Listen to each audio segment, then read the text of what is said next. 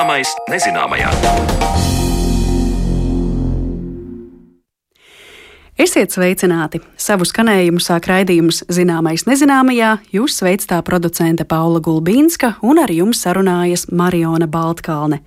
Šodien mēs raidījumā godā celsim to cilvēku darbu, kuru ikdienā nevienmēr varam vērot, taču tas ir ārkārtīgi būtisks, lai mēs ilgi jo ilgi varētu muzejos aplūkot gleznas un citus priekšmetus vai skatīties agrāk uzņemtas filmas. Runāsim par restaurātora darbu. Cilvēka pieskāriens restaurātoru darbu izstāde. Ar šādu izstādes nosaukumu Rīgas vēstures un kuģniecības muzejs aicina iepazīt restaurātoru meistarību. Izstādē skatāmos priekšmetus, pateicoties restaurātoru ieguldījumam, iepazīsim raidījuma otrajā daļā, bet sāksim ar stāstu par kino lenču restaurāciju. Filmu mazgā speciālā šķīdumā, tad lentu ieskanē datorā, un tad sākas sarežģīts darbs, lai pielāgotu vajadzīgo krāsas toni un nepārkāptu to trauslo robežu, un restaurēto filmu nepārvērstu par pārlieku izskaistinātu darbu. Apjomīgā filmu restaurācijas ceļa vienā posmā ielūkojās mana kolēģe Zane Lāce Baltalksne pārbauda visas lentes, tad tās digitalizē, sagatavo skenēto failu un tas tālāk iet uz pēcapstrādi, kur speciālisti strādājot ar īpašām datorprogrammām veic krāsas un skaņas korekcijas. Tā vienā teikumā var aprakstīt garu un komplicētu darbu pie kinofilmu restaurācijas ir neiespējami īsumā apstāstīt kinolentes odiseju no momenta, kad tā tiek izņemta no glabāšanas kārbas, līdz brīdim, kad skatītājs redz vēl kalpus, limuzīnu Jāņu nakts krāsā vai animācijas filmu Sisidrā. Restorācijas procesam ir svarīgi, lai ir labs izējuma materiāls. Tas ir pirmais nosacījums, lai būtu izējuma materiāls, ar ko strādāt. Un katrai filmai veidoja daudzas kopijas. Tad bija šis oriģināls negatīvs, kurš ne visām filmām šeit mums Latvijā ir saglabājies un glabājās arhīvā. Un tad ir atvasinātās kopijas. Tas nosacījums ir izpētīt, kura no šīm kopijām ir vislabākā. Parasti digitalizē noteikti vairākas kopijas, salīdzina, jo mēs esam fiksējuši, ka šīs kopijas atšķirās, ka vienai ir kaut kas likts klāt, vienai kaut kas ņemts nost. Un, un tad ir jāskatās, kā fiziski šī lente ir saglabājusies, kura lente ir labākā, vai lente ir tīra, vai viņai nav kaut kādi subtitri uzlikti. Jo, nu, diemžēl, ne visām filmām mums ir labi izējuma materiāli. Un, Līdz ar to ir filmas, kas skaitās mums vērtība mūsu kino vēsturē, bet mēs viņus nevaram restaurēt, jo mums diemžēl nav izējuma materiāla. Tā stāsta Latvijas valsts kino fotofono dokumentu arhīva direktore Dace Bušante, ievedot mani arhīva filmu skenēšanas un digitalizēšanas telpā, kur ir izvietotas apjomīgas iekārtas - skeneri, pēcapstrādes darbstacijas un lenšu mazgāšanas iekārta, ar kuru tad sākas filmu lentes ceļš uz atjaunotni. Kinoseansu laikā uzkrātie krikumi, pēcāk putekļi, kas ir uzsēdušies uz lentas gadu desmitiem tai atrodoties kārbās, tiek noņemti nost, ievietojot filmu lenti pamatīgā seifa un veļas mašīnas krustojumā, kur speciālā šķīdumā lentei tiek noņemti nost visi iepriekš minētie krikumi. Un tad, kad tā filma iznāk ārā, viņa iet caur šiem gaisa nažiem un tiek nožāvēta ar garantētu to, ka uz tās filmas vairs neviena piliena no tā šķidruma nepaliek. Un tādā veidā sanāk tā, ka tā filma ir ne tikai mehāniski nu, teikt, nobērsta no netīrumiem, nost, noskrubēta. Bet arī otrs ir tas, ka ar tiem gaisa nažiem, ja tur arī kaut kādas ķīmiskas daļiņas ir bijušas, viņas tiek nopūstas nost. Iemesls, kāpēc tā mašīna ir tik liela, tāpēc, ka ir jāgarantē tas, ka viņa spēs nožāvēt to filmu, kas ir ļoti grūts process un sarežģīts. Tā šo pirmo etapu skaidro filmu studijas lokomotīva kino restaurators Pēteris Sudakovs. Viņš, turpinot stāstīt par filmu restaurāciju, teica, ka citviet pasaulē tiek digitalizēta viena filmas kopija, bet mūsu speciālisti iet sarežģītāku ceļu, lai panāktu labāku rezultātu. Proti pēc lenšu attīrīšanas tiek skanētas vairākas filmas kopijas, lai varētu salīdzināt un izvilkt tā teikt labāko esenci no visām pieejamām kopijām. Tālāk attīrītā lenta tiek uzlikta uz filmu skenera. Aiz aptumšotām stikla durtiņām redzu divas spoles, uz kurām ir uztīta lenta. Pēters Sudakovs teica, ka tas ir viens no šobrīd efektīvākajiem skeneriem, kas ļauj veikt ātru digitalizāciju. Līdzās ir monitors, uz kura ir apstādināts kadrs ar riteņbraucējiem pie brīvības pieminekļa. Tā ir 1987. gadā uzņemtā Anša Epnera un Birutas Veldras filma par sporta sacensībām. Aizej tur, atnes to. Kinofotofono dokumentu arhīva digitalizācijas nodaļas vadītāja vietnieks Rudolfs Henčels skaidro procesu, kas ir redzams datora monitorā.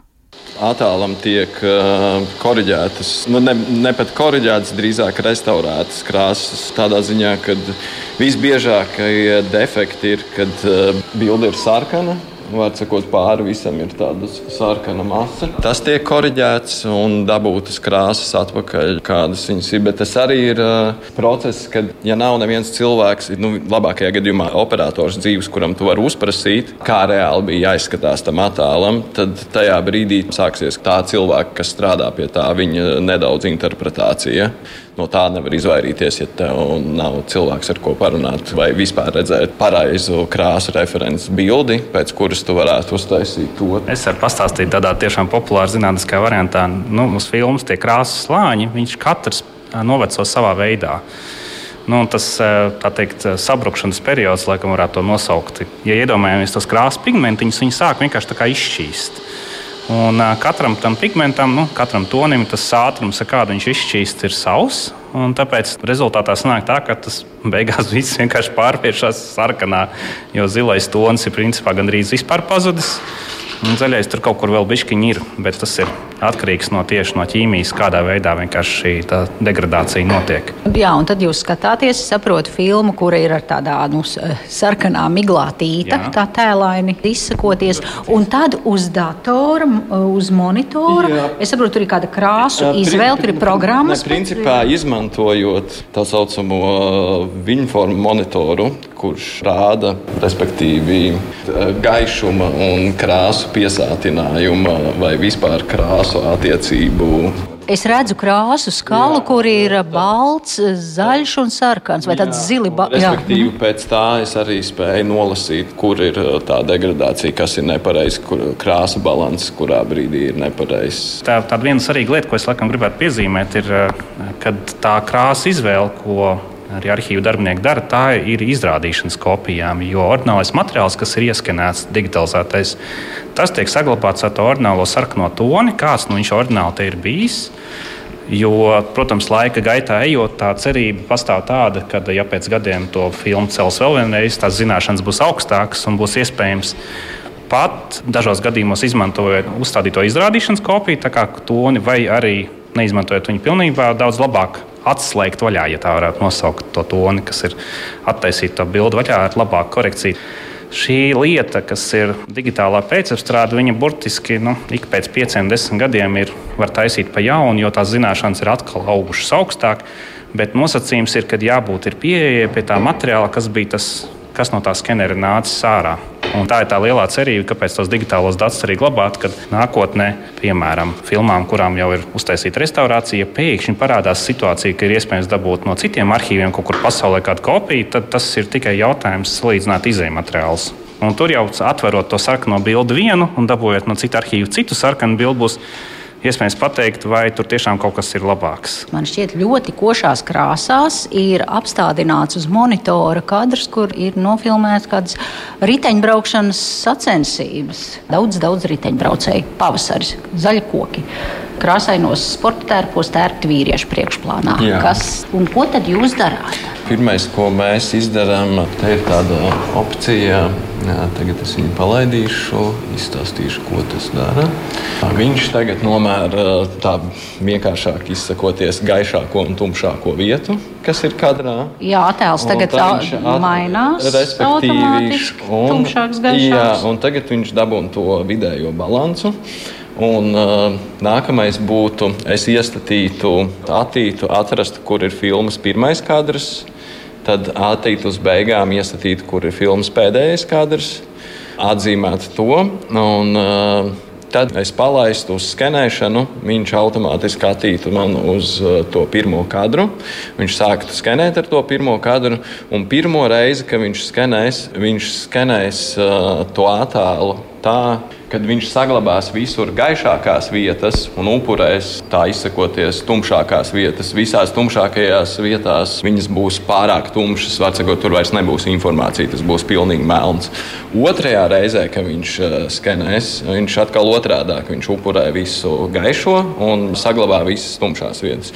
Un pēc tam tajā programmā viņš principā kombinē kopā tos divus kadrus, un tev ir pilnīgi visa informācija, vecākot, gaišākajās un tumšākajās vietās. Bet tad nav tā, ka ir jāsēž šeit cilvēkam un katrā kadrā ar roku, piemēram, te priekšplānā es redzu vīrieti brūnā vējaka, un tad viņš to brūnumu viņam katram kadram jāzīmē nē, pa jaunu. Nē, to nē, visu nē, dara datora programma. Nē, nē, nē, skenēšanā tas saka, tā, tā ir jau skenēšana, kā, tas, jā, tas skenēšanas procesā nenotiek. Jā, jā. Tā kā Pēters jau pirms tam minēja, mm -hmm. ka tas pirmais pirmais ir svarīgākais ieskanēt tā, lai ir visa informācija, mhm. -huh. respektīvi. Un vienalga, vai tur ir sarkans vai ar visiem defektiem, jo to dara pēc tam pēcapstrādes procesā, novērš mhm. -huh. visus tos defektus.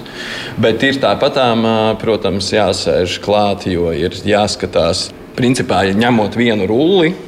Man ir kaut vai sākumā gandrīz visam rullim jāiziet cauri un jāatrod tas, var sakot, kā teikt, ideālais kadrs, kur ir viskontrastainākā bilde, kur būs visgaišākais un vistumšākais, respektīvi, un no tā es paņemšu to vidējo ekspozīcijas balansu visai filmai. Nu jā, bet tad jautājums, jā, kā tad, piemēram, to brūno jaku, kā jūs saprotat, vai katrā kadrā, vai to, nu, piekrāso ar datoru, ņemot tur no krāsu paletes, vai to jau automātiski datorprogramma izdara? Pat cik eh, es pieņemsim, nezinu, operatoru, man nav bijusi iespēja ar viņu pieņemsim pie šīs konkrētās filmas sēdēt, un viņš man pateiktu, kā būtu jāizskatās, pieņemsim, kaut vai nokrāsa šīm kadram.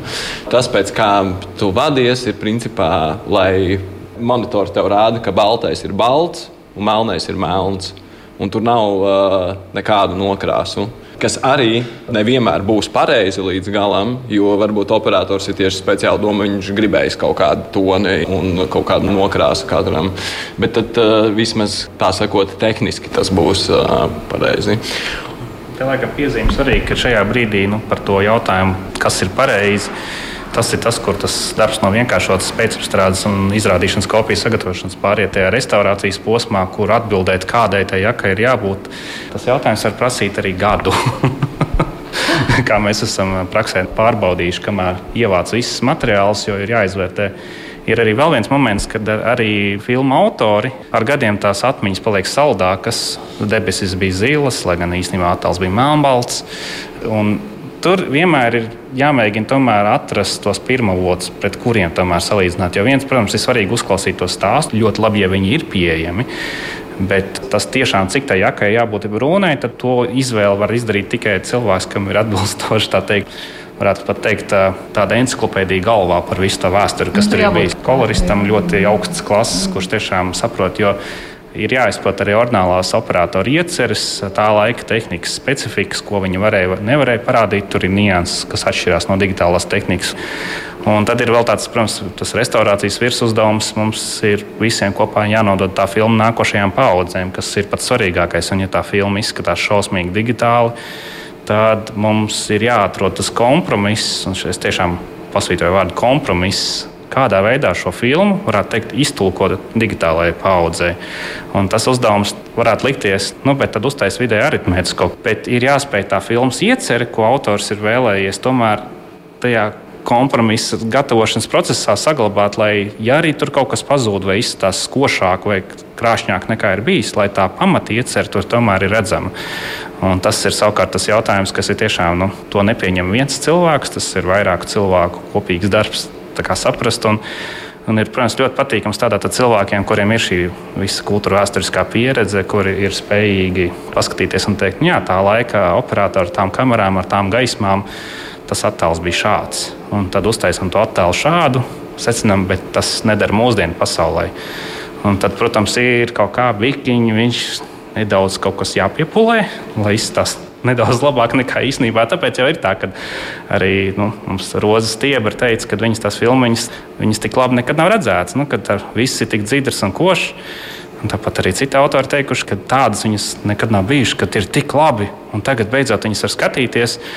Kas zināmā mērā ir patiesība, jo tur kādi 10-15% ir piepūlēti klāt, kas tiešām tur nekad nav bijuši. Bet mūsdienu digitālajai tehnikai tā ir nepieciešamība, jo nekad jau neviens neskatījās 4K televizoros ar super augstu kontrastu. Toreiz tas bija bišķi citādāk. Tas bija ieskats kino, fotofono dokumentu arhīva filmu restaurācijas procesa vienā nelielā posmā, ko veids, lai rezultāts būtu gan šodienas skatītāja acī baudāms, gan arī saglabātu filmas autoru sākotnējo rokrakstu. Kopš 2008. gada arhīvā glabājas 80 restaurētas filmas, un tās ik viens internetā var aplūkot, ieejot Latvijas Nacionālā arhīva, Latvijas valsts kino, foto, fono dokumentu arhīva audiovizuālo dokumentu digitālā krātuvē, adresē Redzi, dzirdi Latviju.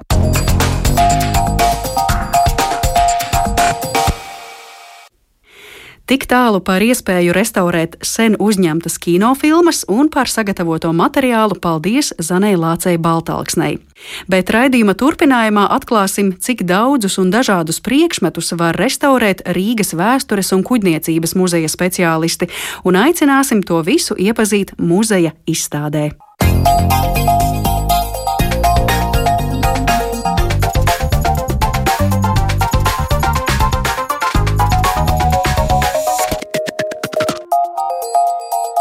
Zināmais, nezināmajā.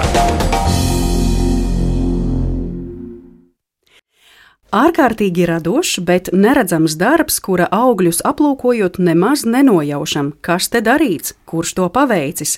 Tā ir vēsturisko priekšmetu restaurācija.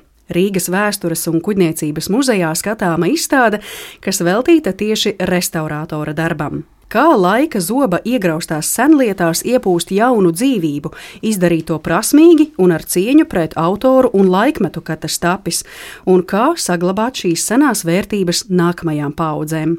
Par to šodien studijā sarunāšos ar cilvēkiem, kuri restaurācijas nianses izprot ļoti labi un ar to strādā ikdienā. Pie mums ciemos Rīgas vēstures un kuģniecības muzeja restaurācijas nodaļas vadītāja, stāja restaurātore vecmē meistare Ineta Augustina. Labdien! Labdien! Kā arī Rīgas vēstures un kuģniecības muzeja keramikas, stikla un porcelāna restaurātore vecmeistare Jana Lībieta. Labdien! Labdien! Vispirms, daudz laimes dzimšanas dienā, vai precīzāk sakot, dzimšanas dienas gadā. Tātad Rīgas vēstures un kuģniecības muzejam šogad aprit 250 gadu. Tas ir vecākais publiskais muzejs Latvijā un Baltijā, arī viens no vecākajiem muzejiem Eiropā. Kā tad paiet jūsu dzimšanas dienas gads? Paldies par apsveikumu. Ļoti labi paiet, interesanti. Mums konkrēti restauratoriem nekad nav bijusi tik intensīva komunikācija ar masu mēdījiem. Mums tas ir jaunums, mēs neesam pieraduši, bet ir interesanti. Vai šajā jubilejas gadā jums ir daudz pasākumu, kas ir speciāli veltīti šiem 250 gadiem? Līdz šim lielākais ir bijis mūsu izstādes atklāšana. Tad izstādē bija piesaistīta konference, kurā mēs uzstājāmies ar saviem referātiem. Pēc sekos rudenī vēl atklās izstādi katram savs krēsls mūsu muzejā. Katru mēnesi ir nelielas izstādītas, kur izliek dažus priekšmetus no Himzela muzeja kolekcijas kolekcijas vestibilā. Notiek dažādi pasākumi. Tā kā jāvēl izturība visa gada garumā. Nu, lūk, Ineta, jūsu pieminētā izstāde un konference, izstāde tātad cilvēka pieskāriens restaurātoru darbu izstāde ir viens no tādiem lieliem un centrālajiem notikumiem 250 gadu jubilejas eh, gadā. Eh, tiešām ļoti interesanti, jo tā ir tā muzeja dzīves neredzamā daļa, jo tomēr restaurātora darbu apmeklētā ikdienā tik ļoti nemana, nenojauš un arī nesatiek šī amata meistarus. Vai jūs kaut ko tādu organizējat vispār pirmo reizi muzeja pastāvēšanas laikā? Muzeja pastāvēšanas laikā pirmo reizi, jā. Doma mums tāda bija jau sen, pirms vairākiem gadiem. Iepriekšējai nodaļas vadītājai Ramonai Talbergai bija tāda ideja, toreiz tas neizdevās. Un tagad, kad mēs plānojām izstādes jubilejas gadā, mums vajadzēja nodaļu vadītājiem iesniegt savas idejas. Man nekādas citas un jaunas idejas nebija, un es iesniedzu. Es necerēju, ka tas realizēsies tuvāko gadu laikā, kur nu vēl jubilejas gadā, nu, bet tā sanāca. Cik un kādus darbus jūs eh, esat izstādījuši šajā veikumā, cilvēka pieskāriens restauratoru darbu izstāde? Es neiegaumēju to konkrēto skaitli, bet ar to, cik Cik mēs varējām tajā mazajā izstāžu zālītē fiziski izlikt, tik mēs izstādījām. Sākām mēs ar to, ka katrs restaurators iesniedz tos darbus ko viņš varētu piedāvāt izstādē. Mēs atlasījām arī no vecākiem darbiem kolēģi darbus, kas vairs nestrādā pie mums, un tad mēs skatījāmies ko var izlikt, cik var izlikt, kā tas viss kopā izskatīsies. Jo restaurātoru izstādēm ir tā, ka, lai viņām būtu jēga, ir jāizliek vismaz kaut kas no fotomateriāla un anotācija, lai cilvēki saprastu, kas tur ir darīts. Jo nav jēga izlikt tikai gatavu darbu, un mums ir ļoti maz vietas. Tā kā, lai visam pietiktu vietas un tā zāle nebūtu pārblīvēta, nu, rezultāts ir tāds, kāds ir redzams. Droši vien eh, vairāki desmiti. Darbu, jā, jā, jā, mhm. jā. Mm. Par to fotografiju es pareizi saprotu, ka tā doma ir parādīt, tātad, kāds darbs izskatās restaurēts, un blakus fotografija, kāds tas bija agrāk. Jā, būtu jā? jau labi izlikt arī fotografijas procesā un fotografiju pēc un pirms salīdzinot, bet vienkārši vietas trūkuma dēļ ir izlikts tikai pirms. -hmm par vispār jūsu ikdienu. Te es raugos, protams, arī uz otru mūsu studijas viesņu Janu, ko jūs un vēl arī citi jūsu muzeja kolēģi, ko tad jūs ikdienā restaurējat, cik plašs ir šis spektrs? Mūsu muzejs ir ļoti daudzpusīgs, mums ir dažādu materiālu priekšmeti. Gadīties var pilnīgi jebkas, ir tādi priekšmeti, kur ir apvienoti vairāki materiāli, tad strādā vairāk kolēģi kopā. Tas, ko mēs šobrīd restaurējam, ir papīra izstrādājumi, grafika, stikls, porcelāns, keramika, tekstīlijas, mēbeles un interjera priekšmeti, fotomateriāli stāiglaznas, metāla izstrādājumi, arheoloģiskie priekšmeti un polihromais koks. Man šķiet, ka tas ir viss, ka es nevienu neaizmirsu. Kā šie objekti vispār nonāk muzejā? Nu, piemēram, Jana, ja jūs restaurējat keramiku, stiklu, vai jūs arī pati esat saistīti ar tiem arheoloģiskajiem izrakumiem, kur šādus priekšmetus atrod, vai jums kāds to visu uz muzeju nogādā? Nu, es neesmu saistīta ar arheoloģiskiem iztrakumiem. Es esmu tikai restaurators, nevis arheologs. Līdz ar to es restaurēju tos priekšmetus, kuri jau atrodas muzejā. Nu, muzejā ir nonākuši dažādos veidos, gan iepirkuma ceļā, gan dāvinājuma ceļā, priekšmeti un uh, dažādos stāvokļos. Uh, tātad tehniskais stāvoklis ir ļoti dažāds, un pie manis nonāk, protams, uh, sliktā stāvoklī, saplēsti ar trūkstošiem fragmentiem, ar bojātām pamatmasām, ar bojātām glazūrām. Nu, Tātad tas viss ir jāglābj, jārestaurē, jāatjauno. Bet eh, arī cilvēks, teiksim tā, no malas, ja viņam mājās krājumos ir kāds priekšmets, eh, kas pēc viņa domām būtu restaurēšanas vērts, vai tādā veidā arī šie priekšmeti atceļo pie jums? Nu, īsti nē, mēs restaurējam tā kā muzeja priekšmetus, tie, kas ir muzeja krātuvēs, mm -hmm. tikai tos. Mm -hmm. Kas ir jau. Mēs tā kā nestrādājam nu, uz ārpakalpojumiem. Jā, nesniedzam. Jā. Mm -hmm. Tā tad muzejā glabājas kaut kas, jūs sakojat līdzi, kāds ir šī priekšmeta stāvoklis, secināt, ka tas ir jau laika zoba cietis, jā? Jā, jā. un tad pieņemat lēmumu, ka tas ir jāglābi. Vairāk jau ļaunumu nodara taisnība cilvēciskais faktors, nevis laika zobs. Mm. Ir jau, protams, glabāšanas apstākļi ir svarīgi. Temperatūras, mitruma režīms un tas, kā priekšmets ir nolikts, iepakots. Bet ļoti lielu ļaunumu nodara tieši cilvēki, cenšoties izdarīt kā labāk. Janas gadījumā, kur ir stikls porcelāns, tur ir saplīsušo trauku līmētāji Jā, mm. nu, katrs uh, īpašnieks laikam ir centies to priekšmetu saglabāt, lai kaut kas nepazūd. Tā tad iepriekš ir salīmēti tie priekšmeti, nekvalitīvi ar cietām, nepiemērotām līmēm. Bieži ir arī tā, ka uh, trūkstošie fragmenti ir aizpildīti, pieveidotas kaut kādas detaļas ar visādu nu, materiālu. Ir izmantoti māls, ir izmantoti cementveidīgas masas, ir pat veidoti plastilīnā un, un demontēt visus šos materiālus ļoti sarežģīti un grūti. Un tā kā keramika ir porēns materiāls, viss tas arī iesūcās tajās porās un veido areolus, un grūti to visu iztīrīt. Tā, tas darbs uh, saglabāt citu restaurēto, agrāku priekšmetu īstenībā ir grūtāks nekā, ja būtu tas priekšmets vienkārši saplīst un pēc tam viņu salīmēt mm. un atjaunot. Protams, un manā gadījumā, un tas attiecās arī uz polihromā koku priekšmetiem, pārkrāsojumi, pārglaznojumi, pašam kaut ko tīrīt, to nekādā gadījumā nevajadzētu pašam nekad darīt labāk ir priekšmetu neaiztikt, ja tāds ir eh, cilvēka īpašumā, nekā pašam nodarboties ar restaurāciju. Tikai tiks nodarīts neatgriezenisks ļaunums, un restauratoram pēc tam būs vairāk darba, ja tas nonāks viņa rīcībā.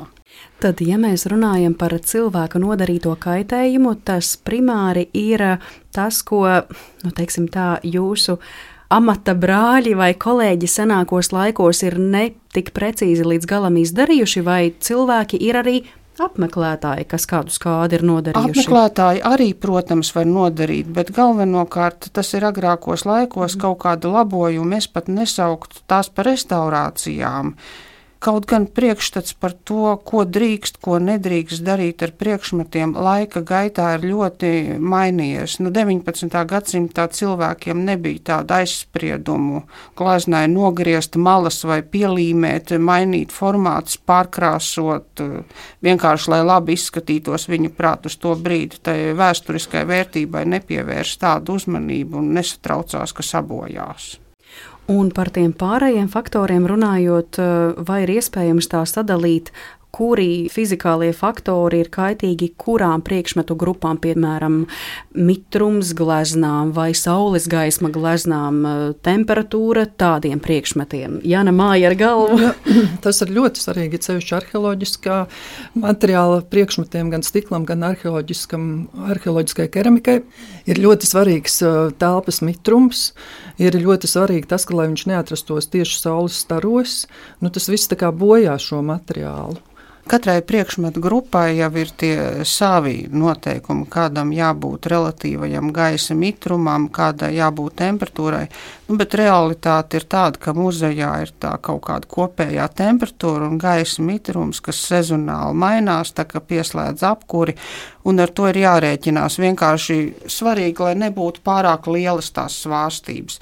Piemēram, koka priekšmetiem vai glaznām uz audekla svārstoties pamatne kustās, kustās grunts un var rasties nobirumi. Es jūsu muzeja tīmekļa vietnē lasu, cik daudzi un dažādi priekšmeti nonāk jūsu muzejā, lai tie tiktu restaurēti. Jūs jau Ineta uzskaitījāt tās lielās grupas, piemēram, stāigleznas fotografijas un tā tālāk, bet te vēl tādus atsevišķus piemērus nosaucot arbaleta bultas gals, pakaus akta, riņķes akta, cepurnieku amata zeļu izkārtne, Nīcas novadā sievu aube, tad vēl mazās ģildes Eltermaņa portrets un pat, piemēram, Rīgas zooloģiskā dārza ieejas biļetes. Šis saraksts ir ļoti garš un to varētu turpināt vēl. Uz cik tāliem gadsimtiem jums savā ikdienas darbā ir jāizceļo, lai jūs vispār saprastu, kā šo priekšmetu restaurēt, lai saprastu, no kādām krāsām tas ir veidots, kādas, piemēram, tekstila šķiedras tur parādās? Nu, restaurātora profesijā ir ļoti svarīga ieinteresētība savā darbā. Ja cilvēkam nepatīk un ja viņam īsti neinteresē, tad tur nav ko darīt. Līdz ar to ja mums pašiem interesē tas, ar ko mēs strādājam, mēs izpētām priekšmetu, apskatām, meklējam informāciju, ja nezinām, tad jautājam citiem kolēģiem, konsultējamies.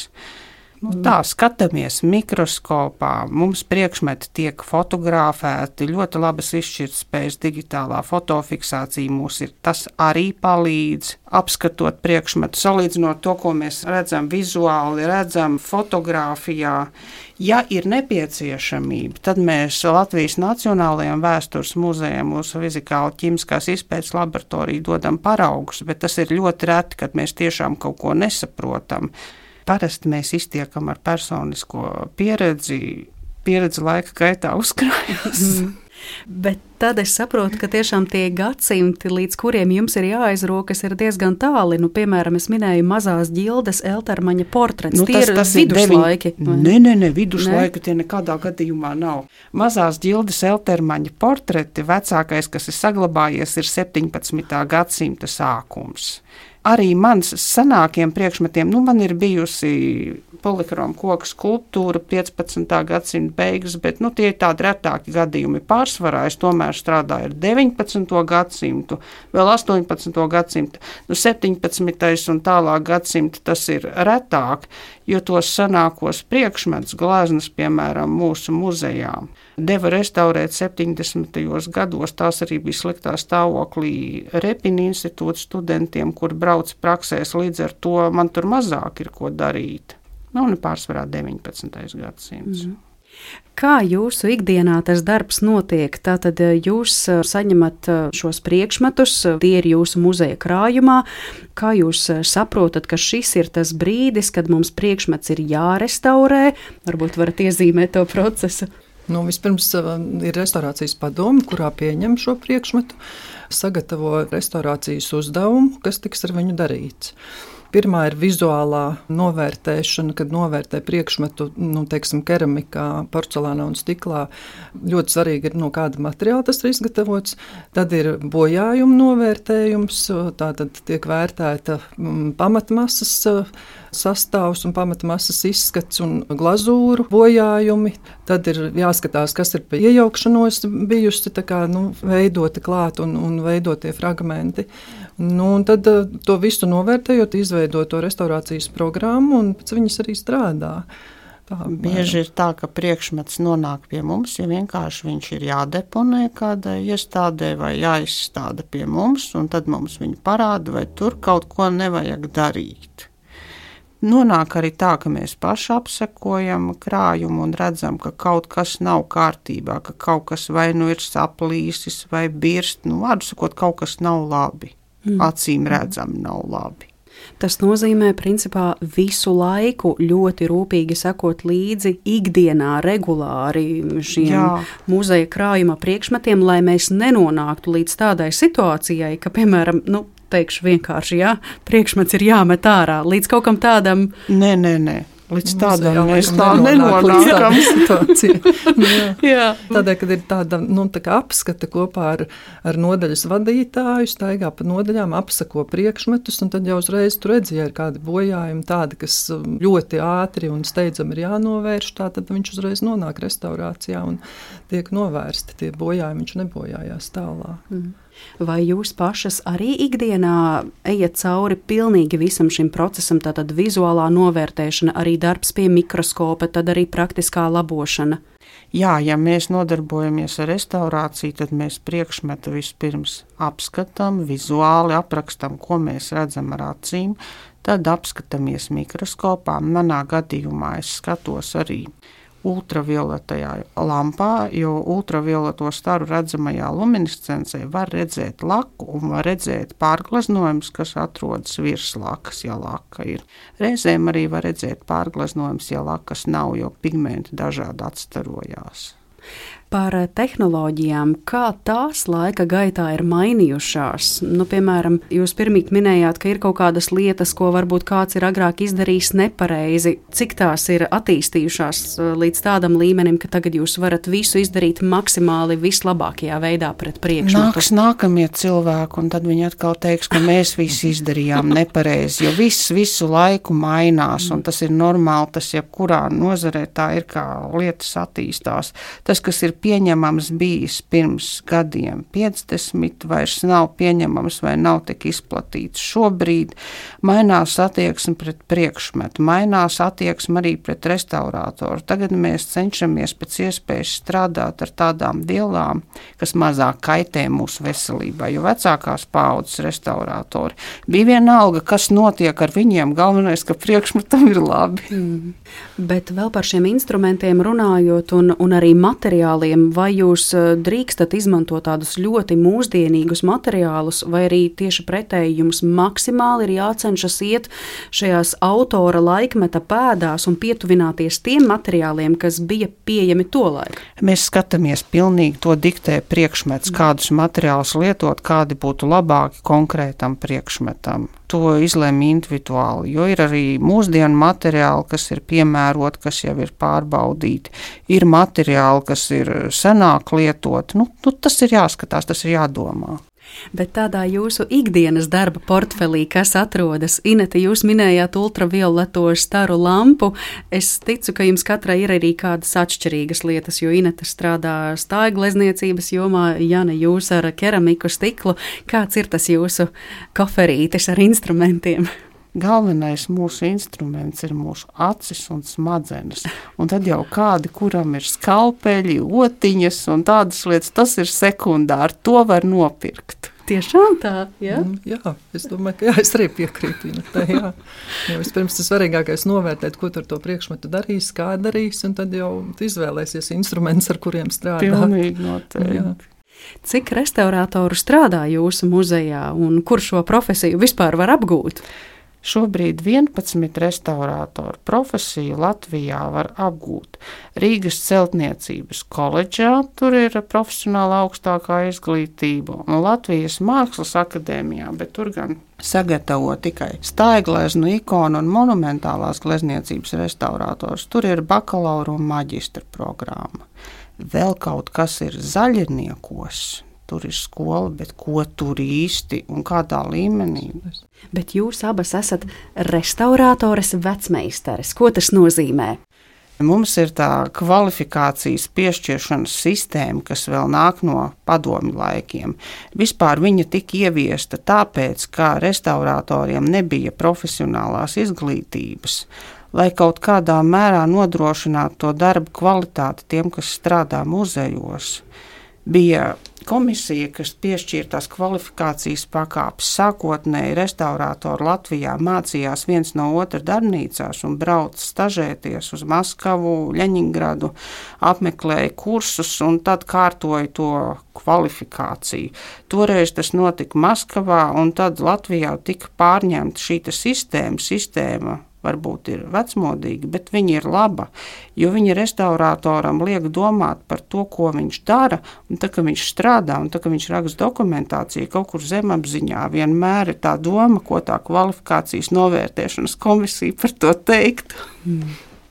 Sakiet, vai jums, apsekojot priekšmetus un tātad saprotot, ka kādu priekšmetu tagad vajag restaurēt, vai pastāv arī tāds neizdošanās risks, nu, ka, piemēram, mēs darīsim visu to labāko, bet tomēr varbūt nesanāks tā, kā tam vajadzētu būt. Piemēram, Jana, jūsu gadījumā es saprotu, ka jūs esat atjaunojusi terīni, ja, kas bija saplēsta 54 gabalos, un tagad jūs ķeraties klāt, bet vai tas risks eh, pastāv, ka tomēr nu, nebūs tā, kā vajag būt? Nu, restauratoram īstenībā es uzskatu, ir apmēram tā kā ķirurgam, kļūdīties nedrīkst. Tāpēc, kad uh, tie ir priekšmeti ar vēsturi, veci priekšmeti, nu, līdz ar to, ja mēs kļūdīsimies, tad vairs nebūs liecība par šo priekšmetu. Nu, par šo terīnu runājot, uh, darbs pie viņas bija sarežģīts un grūts. Viņa bija kādreiz arī līmēta ar šīm nepareizajām līmēm, un atlīmēta, atjaunota. Tur bija arī tas faktors, ka tās vecās līmes bija iesūkušās caur ceku tajā pamatmasā, veidojot tādus melnus, brūnus oreolus, kas bija jādabūna arī ārā no pamatmasas. Un pēc tam ir salīmēts, atjaunoti trūkstošie fragmenti, un tad lielākais darbs bija pie tā, ka viņa ir dekolētā keramika. Viņai abās pusēs ir vienādi tie dekolējumi zīmējumi. Kas tas ir dekolējums? Dekolējums ir tāda tehnika, kas attīstījās Anglijā 18. gadsimtā. Tā kā tāda gravīra, viņu uz tādas gravētas metāla plāksnes izgravēja teiksim, zīmējumu vai tādus ainavu skatus, tad pārklāja ar keramikas krāsu. Atspiedu to uz papīra, papīru piestiprināja pie priekšmeta un apdedzināja. Un tad veidojas ļoti, ļoti smalks gravīra, tas zīmējums. Un šajā gadījumā bija tā, ka tie fragmenti, kurus es atjaunoju, pretējā pusē bija tieši identiski. Līdz ar to es varēju noņemt to zīmējumu un atjaunot precīzi to zīmējumu. Bet, piemēram, tā kā jūs sakat par to sabojāšanu, ja nebūtu šis zīmējums precīzi zināms, tad es viņu neatjaunotu, paliktu tikai fons ietonētais. Tā kā, nu, tu nekad nedrīkst darīt vairāk, kā tu zini un saproti, pats neimprovizē un nejūties kā mākslinieks, tu netaisi kaut ko tā kā tev gribās, bet tikai precīzi to, kas ir zināms un tā kā vajag tam. Jā, sākumā jūs pieminējāt to vārdu radošs. Mēs neesam radoša profesija. Mums uz radošumu tur nav pilnīgi nekādu tiesību. Tādā nozīmē, kā māksliniekiem ir radošums. Tas, mums ir jā, jā, drīzāk, precīzi, jā, jā, mums, jā. mums ir drīzāk tā kā zobārstam tāds radošums tajā virzienā. Bet tad atkal varbūt veidojas šis mīts, ka būt restauratoram tas ir ah, tā gārlaicīgi. Nē. Tur tagad kaut ko skrupulozi pētīt. Nav garlaicīgi. Redz, tāpēc garlaicīgi tas... nav, tāpēc ka katrs priekšmets ir pilnīgi savādāks, katrs darbs ir arī pilnīgi savādāks. Un praktiski, nu es nezinu, man ir ļoti interesanti, jo katrs darbs nāk ar savu piedzīvojumu un savu atklājumu. Un, nu, interesants tas darbs ir, jā, bet nu, vienīgi tas, ka vajadzīga ļoti liela pacietība protams. Nu, bet, nu, Pacietība, un tas ir arī darbs konkrētam cilvēku tipam, tāpat kā ar citiem darbiem, tas nederēs visiem. Tas ir patīk cilvēkam, kuram ir um, tāds introverts darbs, kam patīk ņemties ar priekšmetiem, kam patīk meklēt informāciju, domāt, kā labāk izdarīt. Nu, līdz ar to var teikt, ka tas darbs ir radošs, bet tādā ziņā, ka jūs nevarat aiziet tādā pašplūsmā, paši sākt darīt nē, kaut nē, ko, nē, kas nē, būtu nē, nē. pretrunā ar šī darba originalitāti. Bet uh, vienlaikus teikt, ka tas ir eh, rutinizēts un garlaicīgs, mēs arī viņš nevaram. Viņš nav rutinizēts, bet viņš nav tādā nozīmē, kā lieto vārdu parasti radošs kaut kādas cilvēku pašizpausmes. Mm. Tās nav. Tās jūs nevarat mm. atļauties.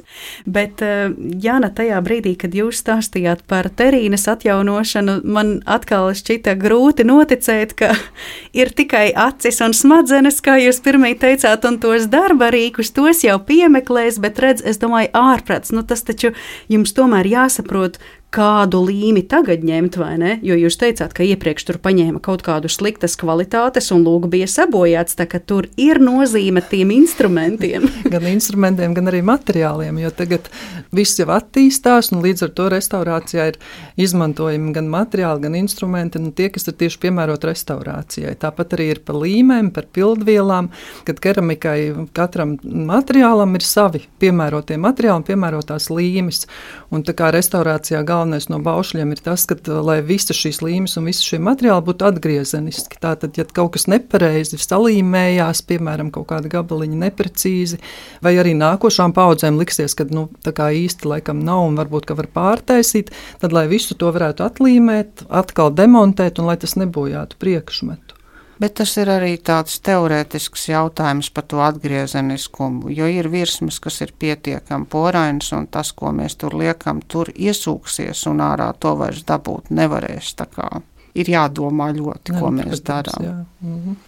Kā ir ar uh, viena restauratora spēju restaurēt dažāda tipa priekšmetus, cik eh, šaura vai plaša ir šī specialitāte. Piemēram, ja viens cilvēks strādā ar keramiku un stiklu, vai viņš vienlaikus varētu arī restaurēt fotogrāfijas un pretēji, vai tur tiešām katrs aiziet tādā savā nē, jomā? Ja viņš to nav mācījies, nē, tad viņš nezina par to neko. Jā, jo katrs materiāls tomēr ir ļoti atšķirīgs. Un, Tas tāpat tā kā, kā ar mediķiem. Nu, jā, arī, nevar, jā, kā jā. nevar visu viens restaurēt. jā. jā, tas nav iespējams. Jā, tiešām te aizvien vairāk mēs valkam tās paralēles starp jūsu profesiju un uh, mediķiem. Par uh, muzeju un uh, muzeja apstākļiem mēs jau runājām par tiem kaitniekiem, priekšmetiem, Kā jūs ikdienā uzglabājat visus šos priekšmetus, vai ir iespējams nodrošināt visus nepieciešamos apstākļus, lai priekšmeti saglabātos maksimāli labi? Apstākļi ir tādi, kādi viņi fiziski ir. Lielākā problēma ir, nav pietiekami vietas novietnēs, bet tas man liekas, ir visos muzejos ka krājuma priekšmetu skaits pieaug, bet telpas lielākas nekļūst. Vai tas arī ir uzskatāms par kaitnieku? Jā, pārblīvētība noteikti. Nu, tad mums atliek tikai vēlēt apmeklētājiem nākt un iepazīt jūsu darba specifiku, un tad jums arī jāpastāsta, cik ilgi šī izstāde darbosies, un vai izstādes darbības laikā ir vēl paredzēti varbūt kādi publiski pasākumi. Izstāde darbosies līdz gada beigām. No publiskiem pasākumiem 28. maijā svētdien būs pasākums, kur varēs nākt uz izstādi. Es gan vēl nevaru pateikt, cikos tas būs, bet informācija noteikti sekos. Muzeja mājaslapā tas varētu būt, Facebookā tas varētu būt uz sarunu ar mums par izstādi, un tur varēs mums uzdot jautājumus. Jā, un es saku paldies par sarunu mūsu šīs dienas eh, viesņām studijā Rīgas vēstures un kuģniecības muzeja restaurācijas nodaļas vadītājai, stāigleznu restauratorei vecmeistarei Inetai Augustinai, un arī šī paša muzeja keramikas, stikla un porcelāna restauratorei vecmeistarei Janai Lībietai. Lielas paldies jums! Paldies! Jums. Viesojāties mūsu studijā, un par šo raidījumu gādāja producente Paula Gulbīnska, par mūziku parūpēja parūpējās Girts Bišs, skaņu režijā bija Elizabete Šaicānova un Mariona Baltkalne pie mikrofona. Lai tad vērtīgi atklājumi ikvienam klausītājam Rīgas vēstures un kuģniecības muzejā, skatot daudzos un dažādos restaurētos priekšmetus, un uz tikšanos atkal nākamajā raidījumā. Visu labu!